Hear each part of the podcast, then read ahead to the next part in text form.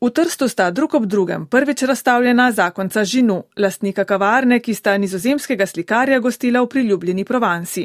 Slovita Arležanka je za to priložnost pripotovala iz Rimske narodne galerije sodobne umetnosti. Portret njenega moža pa je del ene največjih zbirk Van Gogovih del, ki jo hranijo v muzeju Krüller-Müller v nizozemskem Otrlu. Večina razstavljenih del prihaja iz te zbirke. Zasnovala jo je Helena Kruller-Müller, nizozemska zbirateljica, ki je poleg Joe van Gogh Bunger, slikarjeve svakinje, umetnikovo veličino prepoznala že v času njegovega življenja. Uvodni del razstave tako predstavlja tudi njuni vlogi. Kronološki sprehod skozi umetnikova dela pa otvarjajo prve črno-bele risbe, na katerih je upodabljal preproste ljudi svojega časa kuratorka Marija Teresa Benedetti. Njegova duhovnost je v tem prvem ustvarjalnem obdobju še posebej prisotna.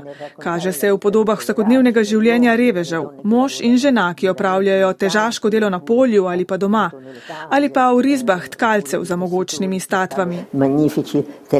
Na ogled so znameniti jedci krompirja, ženske, ki raznašajo premog, kmetje na polju in številne druge risbe, s katerimi si je neutrudno prizadeval osvojiti osnovne tehnike likovnega ustvarjanja, pove kuratorka Francesca Villanti. Eh, Posvetil se je vsaki najmanjši podrobnosti in preizkusil različne tehnike, da bi osvojil umetnost risanja. Ti temelji so mu v Parizu, kjer se je srečal z barvami, omogočili sproščeno izražanje in svobodno gibanje po platnu.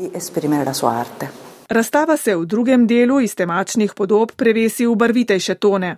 Razvoj umetnikovega ustvarjanja in osebnost nam približajo citati ter razmišljanja, ki jih je v pismih delil bratu.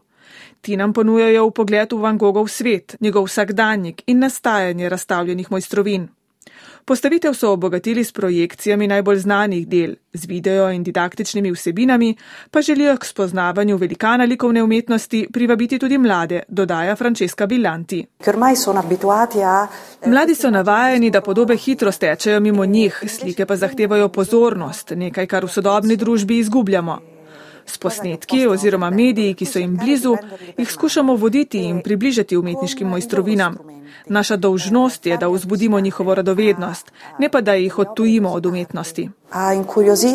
E Poleg zakoncev žinu med najbolj znane barvite slike na razstavi sodijo sejalec, pokrajina z vzhajajočo luno, borovci v sončnem zahodu, obupani starec, tihožitje s krožnikom čebule, vrt bolnišnice v San Remiju ter vrtnar.